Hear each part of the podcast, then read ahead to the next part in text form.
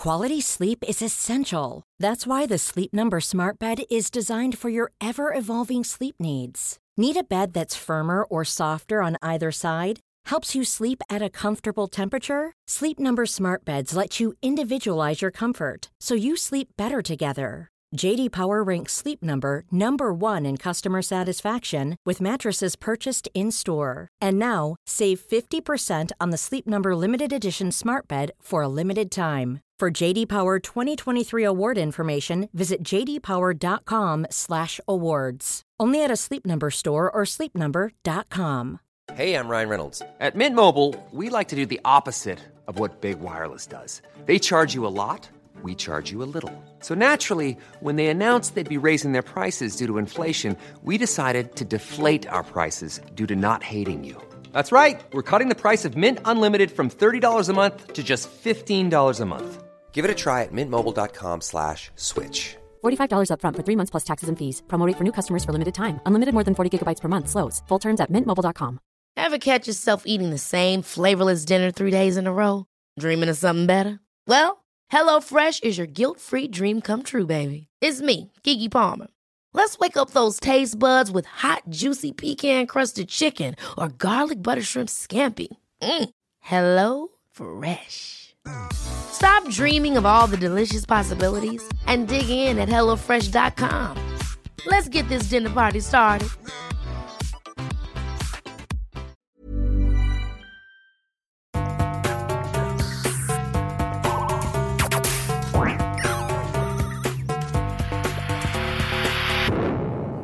Velkommen til Sinnsyn. Jeg heter Sondre Risom Livre, er psykolog, og dette er Webpsykologens podkast. Hverdagspsykologi for fagfolk og folk flest.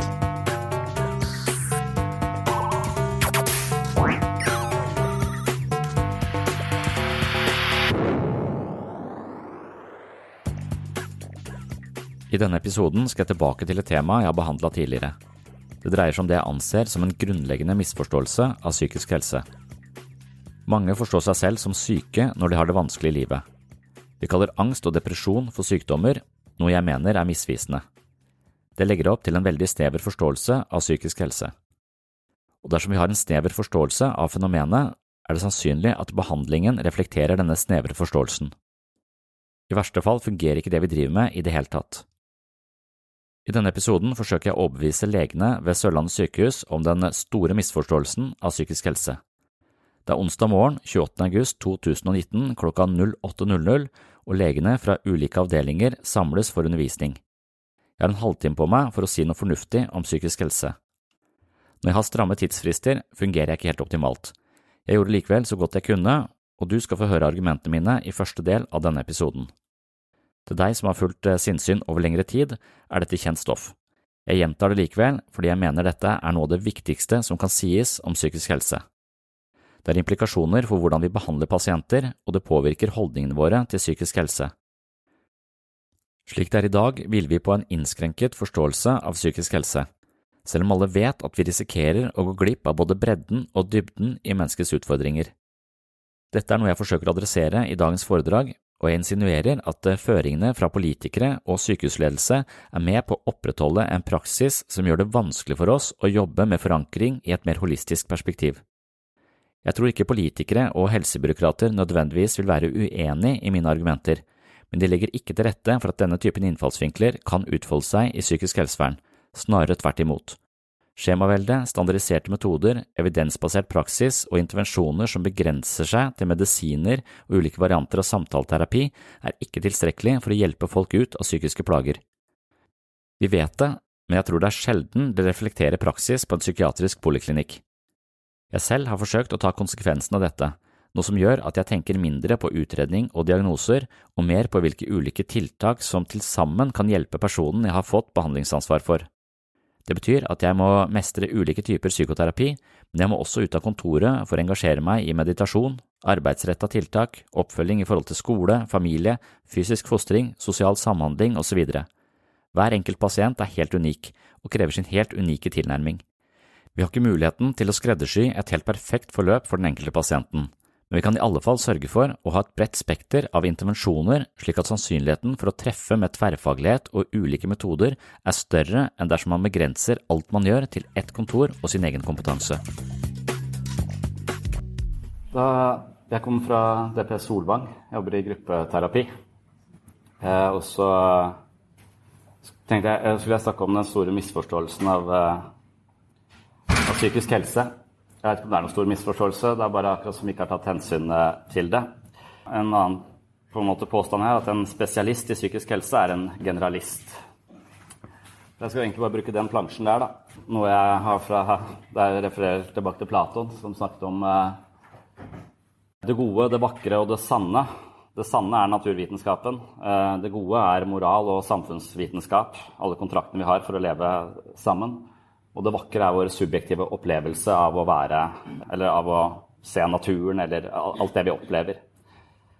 Så eh, jeg mistenker at eh, psykisk helse er litt annerledes enn eh, somatikk. Fordi at ethvert psykologisk problem pleier å ha utfordringer i alle disse kvadrantene. Og de kvadrantene her, mener jeg øverst til høyre der, så har jeg plassert Francis Crick, som er han som oppdaget DNA-molekylet og sa at you're nothing but a pack of neurons. Så det er da et veldig naturvitenskapelig, positivistisk paradigme.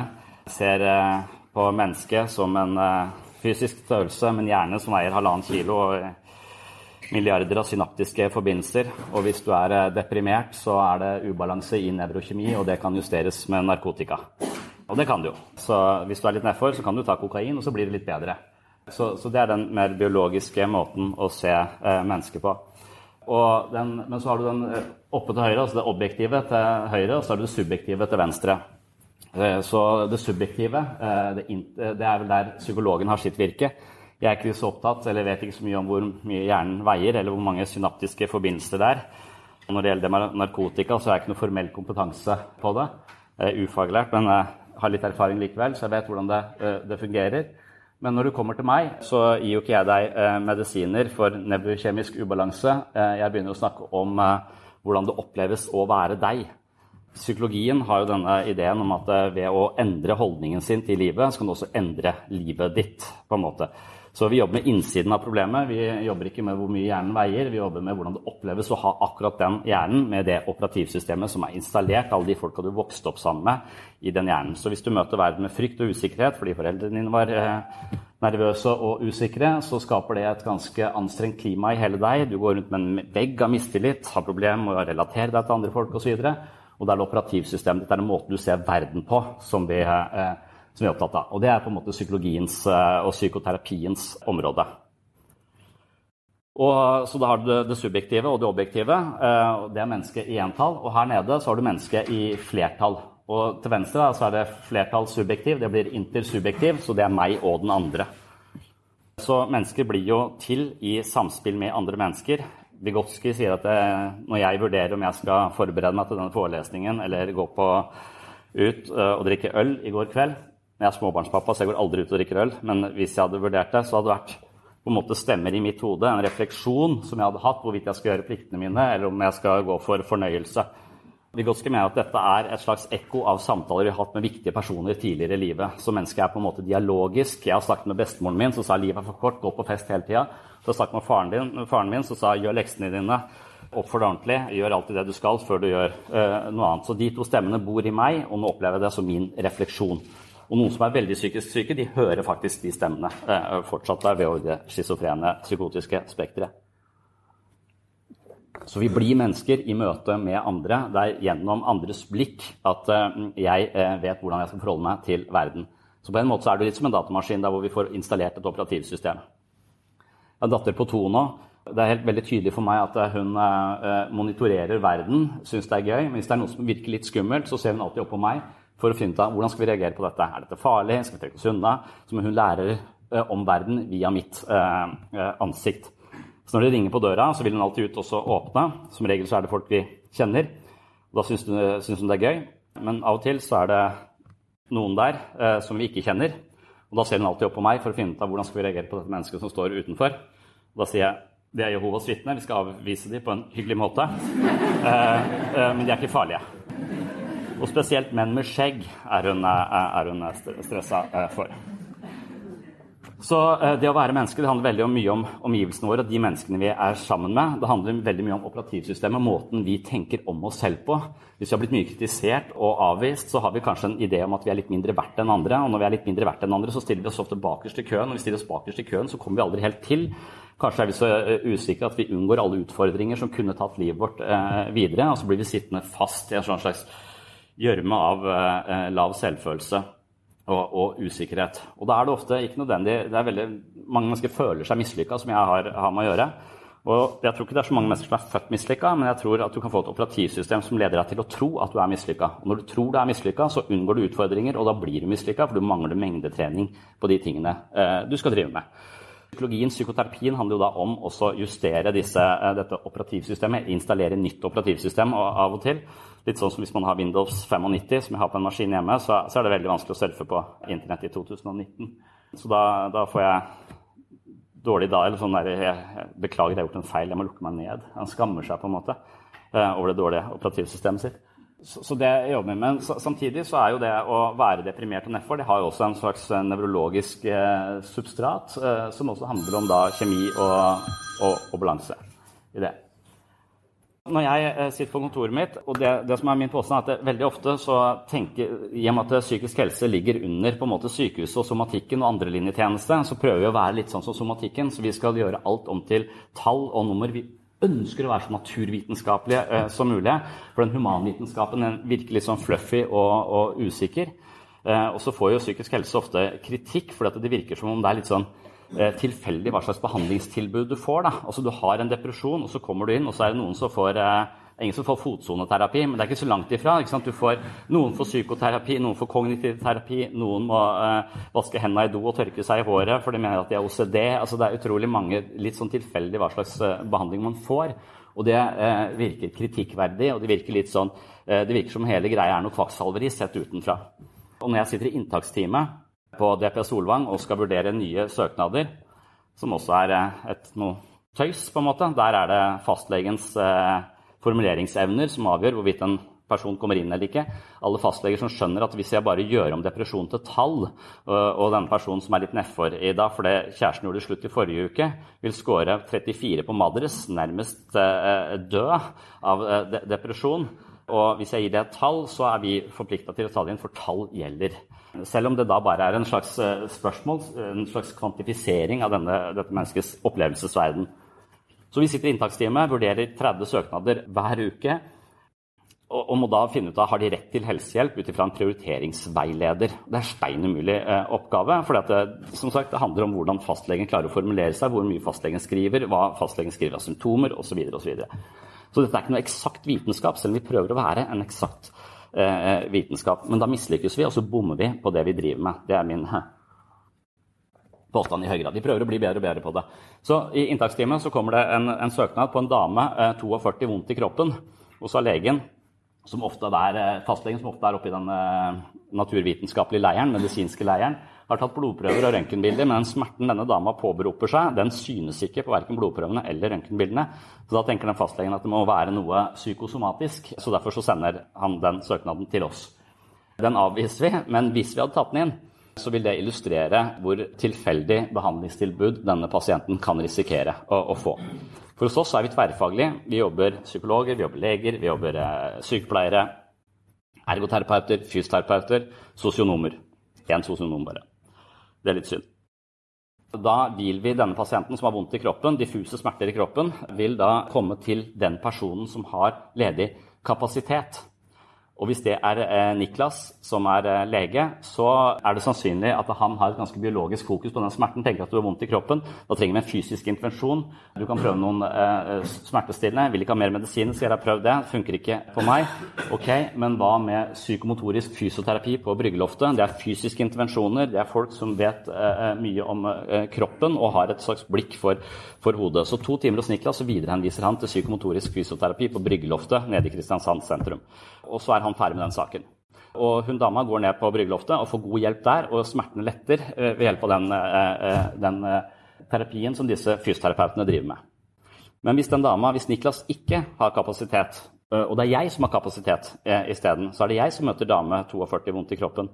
Og jeg vet ikke så mye om kroppen. Jeg prøver å jeg er litt redd for kroppen. på en måte. Jeg prøver å unngå alt som kommer fra min egen kropp av eh, signaler, så langt det lar seg, lar seg gjøre. Så Jeg spør ikke så mye om eh, den kroppen, men jeg er opptatt av operativsystemet. Så jeg snakker med henne om hvordan hun har hatt det. Det viser seg at hun har hatt en lang mobbehistorie på skolen, utsatt for en ulykke da og da osv. Så, videre. så etter hvert så viser det seg at denne dama har masse erfaringer på at folk som er rundt deg, er ute etter å lure, manipulere eller ta på en eller annen måte. Så hun er alltid litt på vakt. Så hun går rundt med et slags blikk på andre mennesker som om de er potensielle farer. Uansett om de virker snille og greie, så har de en eller annen skjult agenda. Og den holdningen hun har til andre mennesker, den gjør at hun alltid er på en viss beredskap i hele kroppen. Og denne beredskapen mistenker jeg har satt seg i kroppen og blir til disse diffuse eh, smertene. Så jeg begynner å eh, reinstallere operativsystemet oppi huet hennes. Selv om du har møtt folk som ikke ville deg vel, så betyr ikke det at alle mennesker du møter på din vei, ikke vil deg vel. Og det å hele tiden forsikre seg om det, det gjør at du lever et anstrengt liv.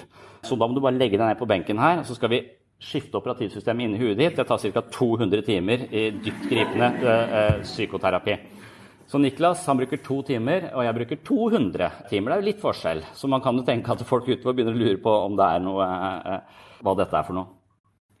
Og så kan man også tenke seg at jeg ikke har kapasitet, men at det er Elin som har kapasitet. Hun er sosionom. Og sosionomer det er dette, eh, dette, eh, moral, dette er det samfunnsvitenskapelige. Sosionomer skal kunne systemet, forstå alt det som er rundt oss.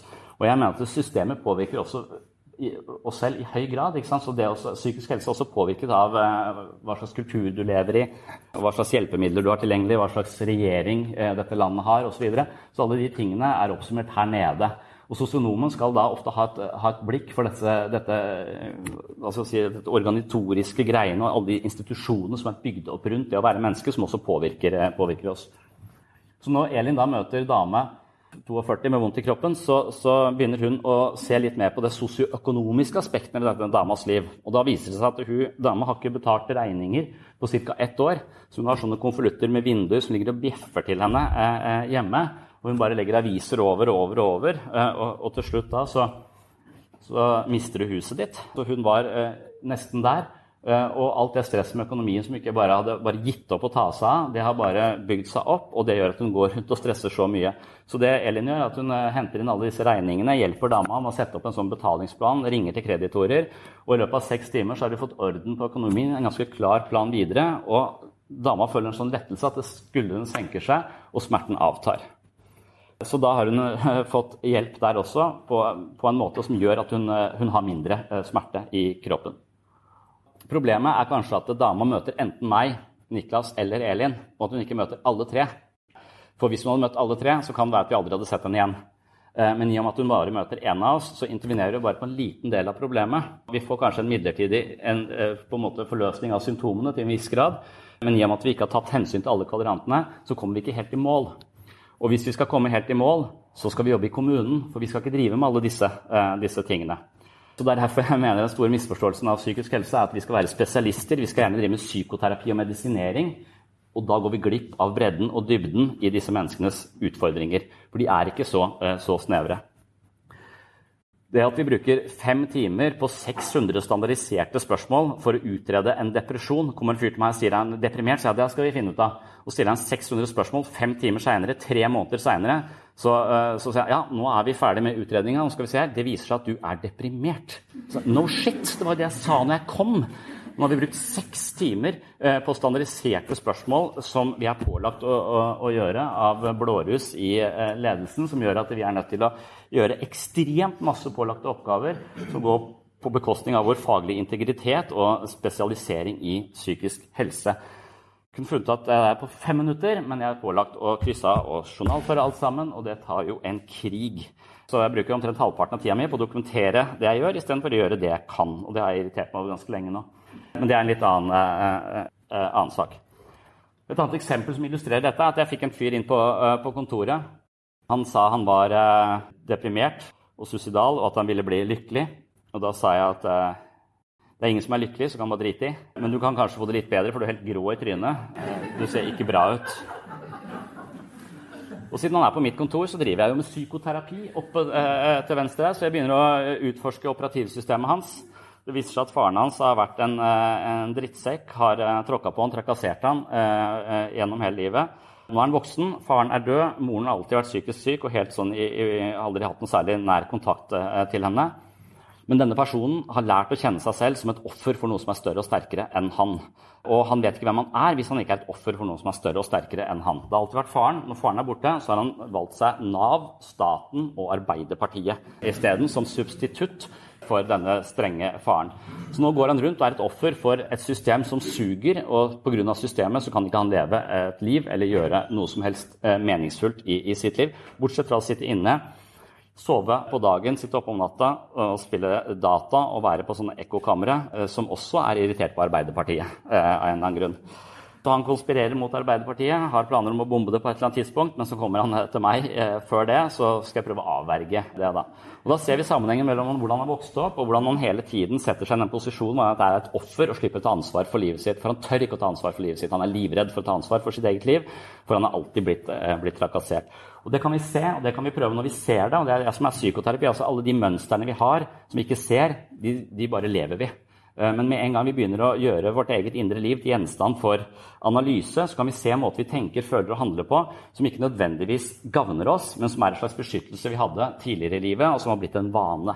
Så det å undersøke og forstå sitt eget indre liv, det er først når vi ser det, at vi kan, kan endre det. Og det er min oppgave. Det er det som psykoterapi går ut på. Vi gjør det også i grupper, hvor vi prøver å speile hverandre og prøver å finne ut av disse, disse tingene. Det som skjer med han, er at jeg har han i terapi i sånn 15 timer. Og så får han masse innsikt. Han ser, han ser sammenhengen mellom Nav og, og faren sin osv. Eh, men han lever ikke noe annerledes likevel. Så vi driver øh, psykoterapi 15 timer, og han, han, symptomene er akkurat like. Han er akkurat like deprimert, han har bare mer innsikt inni huet sitt. Det Freud sa, at innsikt kurerer, det er jeg litt usikker på. Jeg tror det er nødt til å gjøre noe annerledes også uh, for at ting skal, uh, skal forbedre seg. Og da begynner jeg å tenke jeg sitter i denne kvadranten her sånn. Hva om jeg begynner å utforske de andre kvadrantene? Kan være han trenger medisiner. Det kan jeg få hjelp av Terje. Så, eh, så får vi eh, satt han på Suprexa et eller annet greier. Men, men, så eh, den fysiske framtiden, det å være sånn biologisk maskin også, det kommer litt an på hva du putter inn i denne biologiske maskinen. Så jeg spør hva spiser du for noe? Han er litt sånn doomsday prepper, så han sparer penger på, på arbeidsavklaringspenger. Og det er ikke så lett. Så, så, han må leve billig, så han spiser bare First Price frossenpizza til hvert måltid. Og det har han gjort i sju år. Og da tenker jeg, er det mulig å bli lykkelig på frossenpizza uansett hvor mye psykoterapi du går i? Jeg tror ikke det. Og da kan jeg si hvis ikke du spiser en gulrot hver dag, så kan jeg ikke hjelpe deg. Vi kan ikke forvente at du blir bedre av denne eh, depresjonen. Og så en gulrøtter er så dyrt. Det er det faen ikke, altså. 9,90 for en kilo gulrøtter. Kan kjøpe First Price der òg. Helt greit.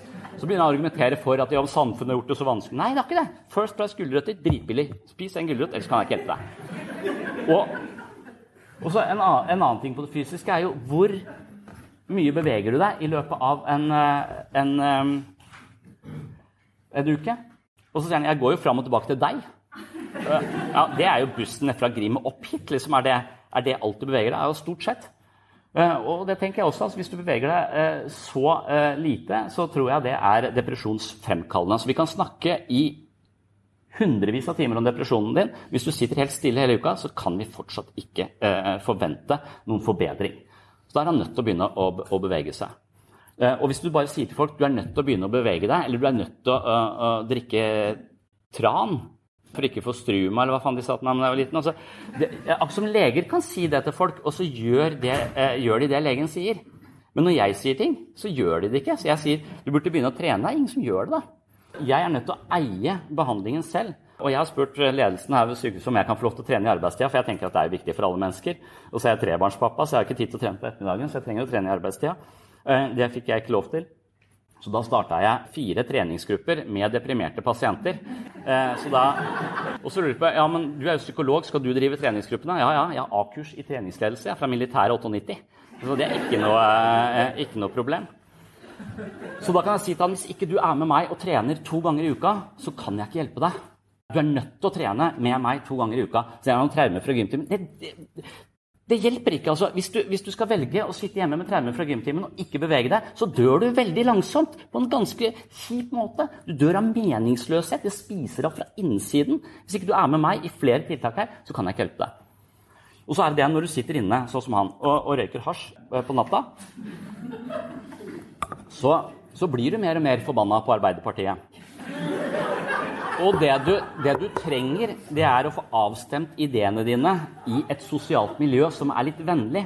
Og det er en ekstremt vesentlig del av psykisk helse. Det er å føle at man er del av en meningsfull flokk. Jeg tror majoriteten av måte, folk som tar livet sitt, eller eh, folk som sliter med psykisk helse, mangler en meningsfullt fellesskap å føle seg som del av.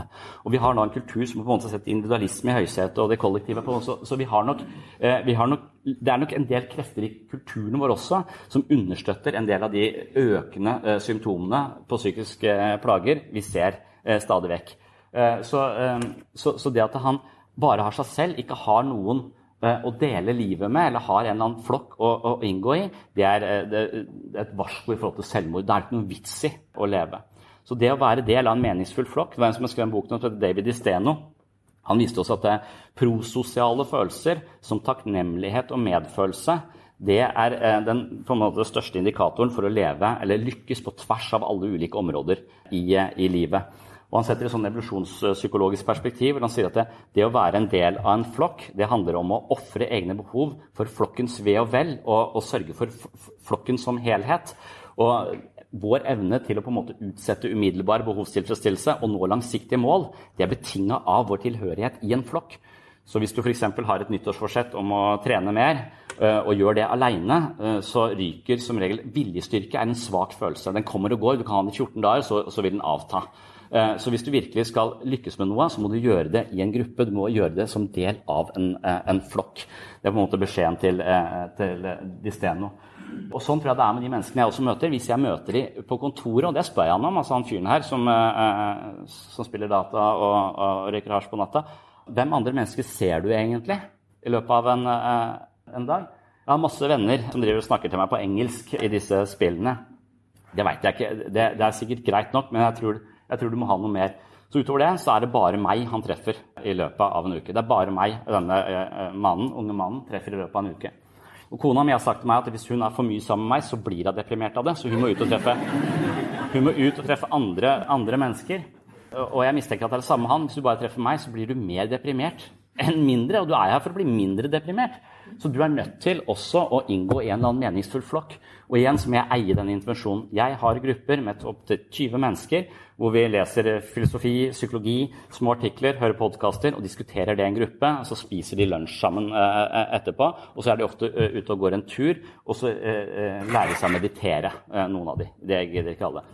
Og det som skjer med sånne, eh, sånne som han, er at han er jo han har, hvis, Når jeg har stilt alle disse 600 spørsmålene, så viser det at han har en antisosial, en dyssosial personlighetsforstyrrelse. Han er jo veldig lite vennlig innstilt til alle andre mennesker på planeten. Men når han da setter seg inn i denne gruppa og ser alle disse menneskene, så sitter han bare sånn og skubler på dem. Men når han har vært der fire-fem ganger, så hører han at disse menneskene er ganske åpne. De forteller om sine sårbarheter, de forteller om sine utfordringer, de deler erfaringer. Vi diskuterer interessante ting. Vi diskuterer dette, vi diskuterer hva er psykisk helse, hvordan skal vi komme oss videre fra, uh, fra depresjon, hva er angst, hvordan fungerer det? Eh, etter hvert så hører han en dame si noe og sier akkurat sånn har jeg det også. sier han. Og idet han sier det, akkurat har jeg, sånn har jeg det også, så har han kobla seg på et annet menneske. Han ser at andre mennesker ikke er monstre, sånn som hans uh, fantasi på natta har bygd opp til. Og han langsomt klarer å inkludere seg i et fellesskap. Og hva jeg gjør inne i psykoterapi med operativsystemet hans, det har nesten ingenting å si i forhold til hva denne gruppa klarer å gjøre ved å smelte denne, uh, denne personen. Men igjen, dette tiltaket høres veldig kommunalt ut. Høres ikke ut som noe spesialist skal, eh, skal, gjøre. Men det gjør vi altså. For jeg mener at hvis vi skal være spesialister og snevre oss inn på psykoterapi og medisinering, så går vi glipp av hele problemkomplekset, og vi kommer ikke av flekken. Og det hender jo at mellom 40, noen ganger så er det 40, noen ganger så er det helt opp mot 80% av henvisning i inntakstime er rehenvisninger. Det er jo reklamasjon. Folk som har vært her før, ikke fått det de trengte. Og, og hva er det? Har de fått for få timer? Eller har vi bare intervenert for snevert?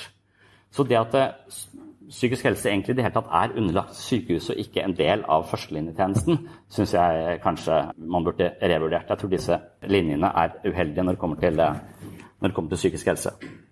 På siste eksempel, Hvis jeg har folk som ruser seg også det er jo sånn, du kommer til meg ikke sant? og så spør jeg ja, hvordan har du det. Og så sier jeg ja, jeg har ganske kjipt, har ikke noe sted å bo, har ikke noe penger, har ikke spist på en uke. Og så da, ja, Det er fint at du kom til riktig sted. Nå kan vi snakke om uh, hvordan det er ikke ha noe sted å bo. nå så kan vi snakke om opplevelsen av ikke ha noe sted å bo. Hvordan oppleves det ikke ha noe sted å og, og, I tillegg så har jo han fyren der eh, han, har en, han, har en, annen kar med balltre som løper etter han og skal drepe han fordi han skylder noen penger. Og så, og så kommer han til meg og så sliter med angst. eh, og så jeg sier Du har jo ikke angst. Altså, jeg, for det første, jeg jobber ikke med ordentlige problemer. Jeg jobber med fake-problemer. Skal du til meg, så skal du ha angst for noe som ikke eksisterer. Du kan ikke ha angst for en fyr med balltre. Den, den responsen er helt adekvat. den. Hvis ikke du hadde angst, så hadde det vært gærent med deg. Og så stresser meg at du er inne på mitt kontor, for da assosierer han der med balltre. Vi to sammen. Da kanskje jeg er i fare, så må jeg gå rundt og bekymre meg hele tiden. Så han fyren der trenger jo ikke psykoterapi. Han trenger, å, øh, han trenger et nødbolig på Hammersanden, noe penger, og så trenger han å havne på luksusfella, hvor en eller annen sånn skalla bergenser forteller han hvor mye penger han bruker på heroin, og hvor lite penger han har tilbake til mat, og hvor dumt det er. Og hvis han gjør det på offentlig TV, så kommer han aldri til å tørre å ruse seg igjen. Så det er mitt forslag. det er sånn. Men vi gjør ofte det vi kan. Så istedenfor å se bredden i problemet, så vi oss inn. Siden det er psykoterapi jeg kan, så er det det jeg driver med hele tida. Uansett hva de feiler. Og jeg har utreda det i fem timer for å finne ut en diagnose. Diagnoser er ikke treffsikre. Jeg gjør det samme uansett. Jeg prøver å finne ut av hvordan tenker, føler og handler du, og hvordan er det gunstig og ikke gunstig for deg. På tvers av diagnoser. Så er det noen diagnoser som OCD osv. hvor de er nødt til å utsettes for eh, for nye traumer av eh, spesielt interesserte eh, leger, som Gunvor Laune, som tvinger de til å vaske hendene i do og tørke seg i håret for å bli kvitt eh, bakteriefrykt osv. i spesielle tilfeller.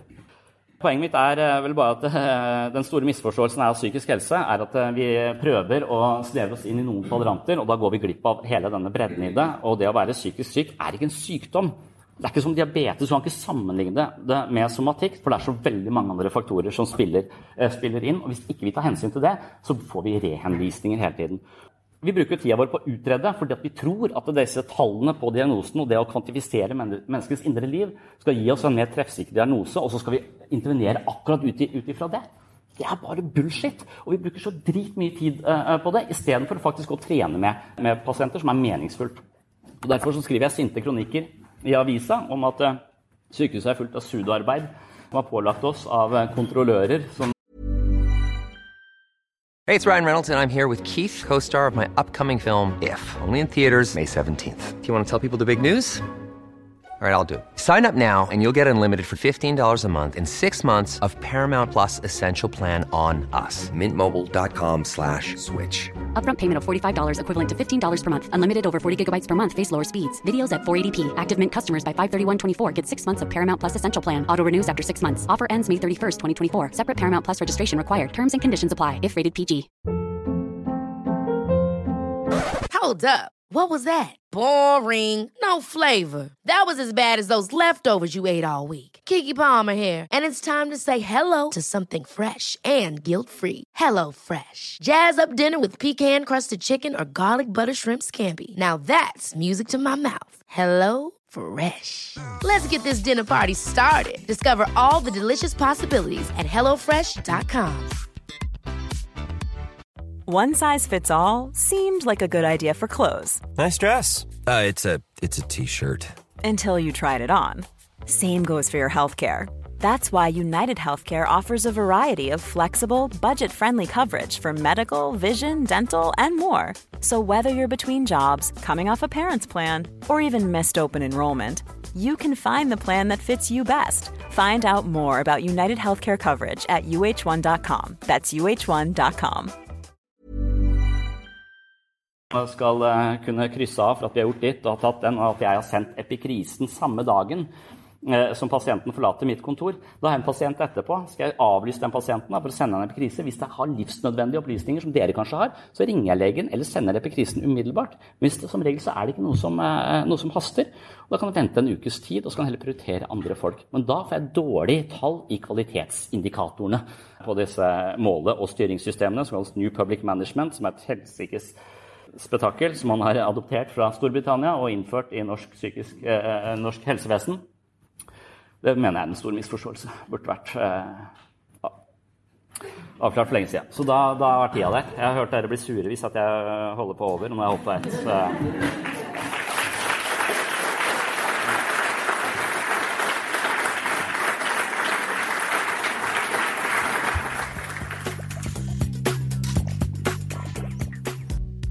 Jeg jobber også ved et DPS som er en del av Sørlandet sykehus. Jeg sitter også i det som kalles for inntaksteamet. det vil si at jeg er med på å vurdere søknader som kommer inn til poliklinikken. Det er gjerne fastlegen som skriver på vegne av en pasient som ønsker hjelp. Et litt smertelig faktum i denne sammenhengen er at mer enn 50% av henvisningene til poliklinikken er rehenvisninger. I perioder er tallet opp mot 80% Det vil si at eh, det søkes om behandling for personer som har vært i behandling tidligere.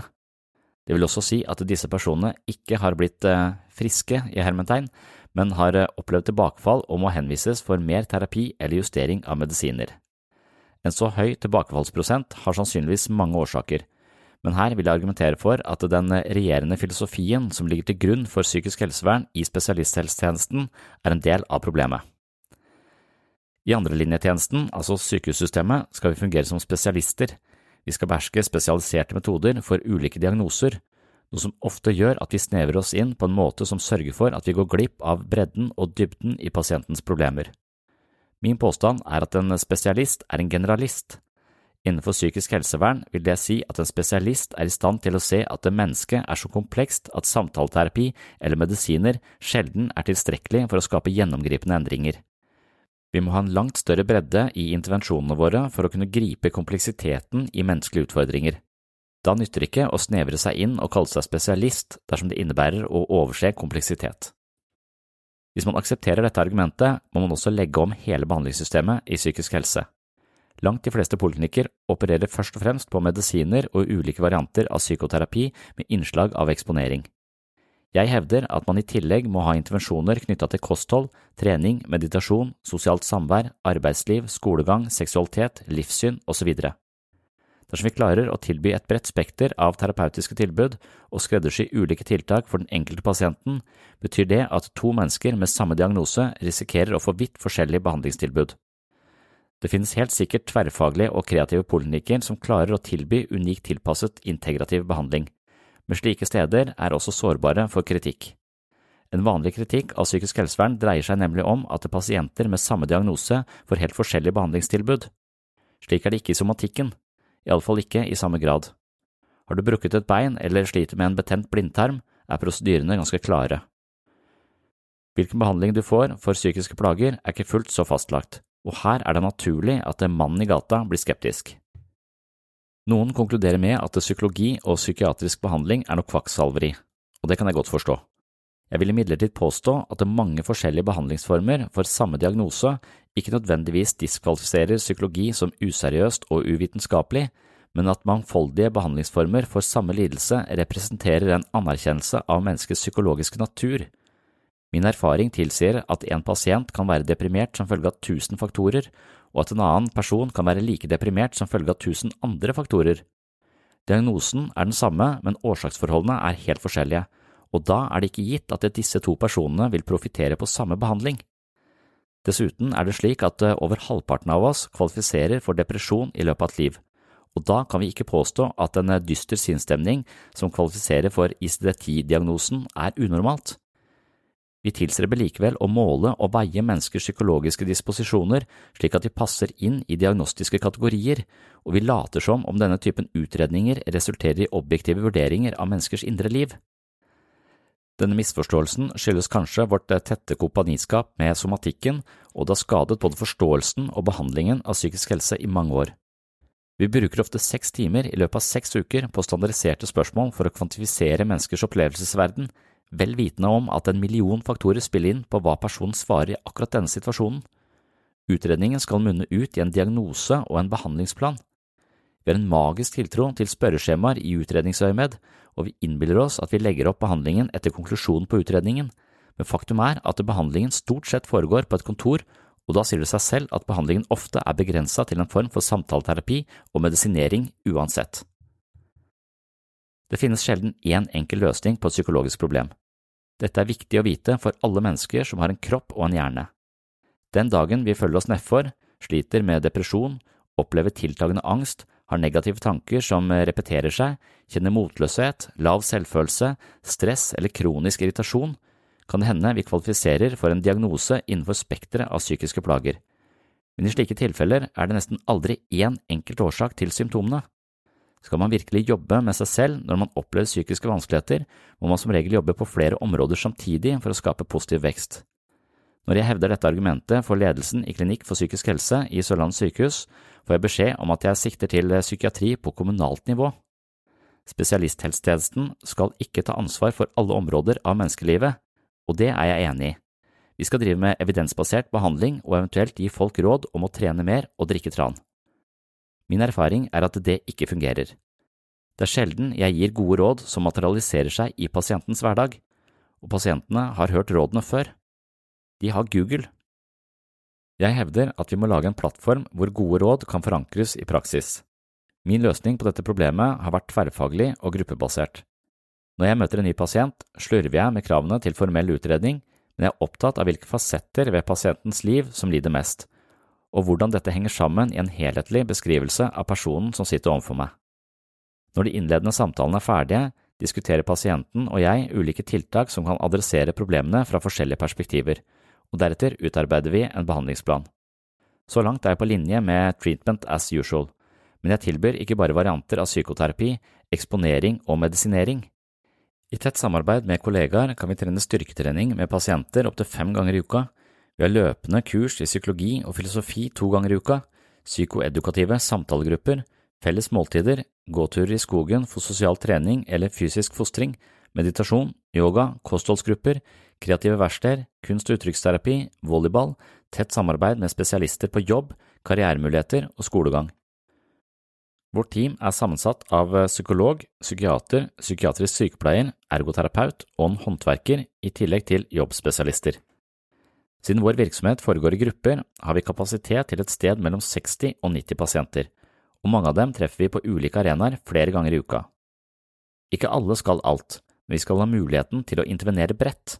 Når jeg møter en deprimert ung mann som vil bli lykkelig, kan jeg forklare ham at veien til et bedre liv involverer både terapi, kosthold, trening og sosialt samvær, og jeg kan tilby det der og da. Jeg kan til og med si at jeg ikke kan hjelpe ham dersom han ikke blir med i treningsgruppa og lærer seg mer om psykisk helse på et av våre kurs. Jeg opplever at det blir lettere å stille krav og ansvarliggjøre mennesker i eget terapiforløp når jeg har muligheten til å følge opp på flere områder. Når vi i tillegg kan peke pasienter ut mot arbeidsmarkedet på en aktiv måte som en del av tilbudet, så opplever jeg at vi kan påberope oss tverrfaglighet i praksis. Dette er imidlertid ikke alltid standard.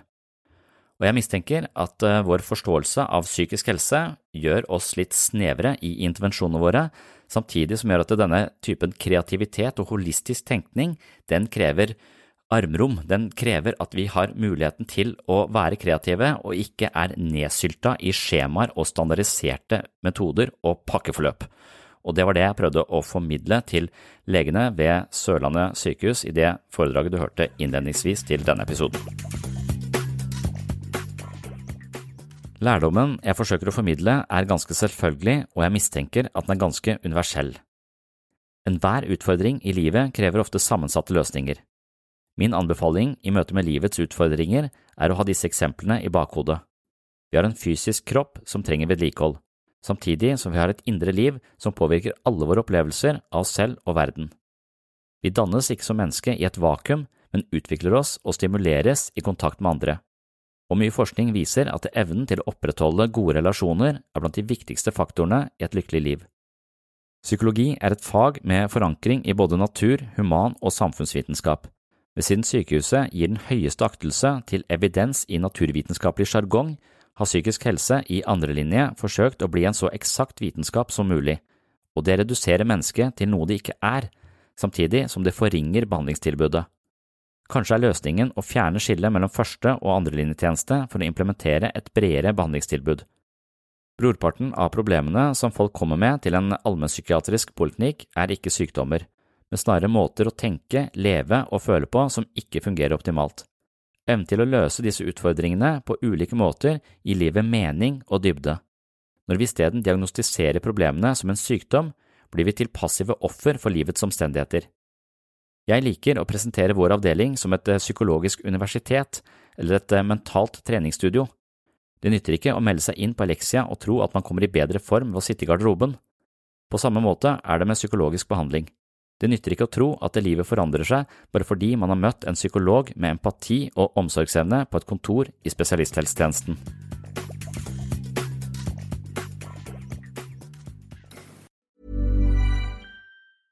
Ever catch yourself eating the same flavorless dinner three days in a row? Dreaming of something better? Well, HelloFresh is your guilt-free dream come true, baby. It's me, Kiki Palmer. Let's wake up those taste buds with hot, juicy pecan-crusted chicken or garlic butter shrimp scampi. Mm. Hello Fresh. Stop dreaming of all the delicious possibilities and dig in at HelloFresh.com. Let's get this dinner party started. Even when we're on a budget, we still deserve nice things. Quince is a place to scoop up stunning high-end goods for 50 to 80% less than similar brands. They have buttery soft cashmere sweaters starting at $50, luxurious Italian leather bags, and so much more. Plus, Quince only works with factories that use safe, ethical, and responsible manufacturing. Get the high-end goods you'll love without the high price tag with Quince. Go to quince.com/style for free shipping and 365-day returns.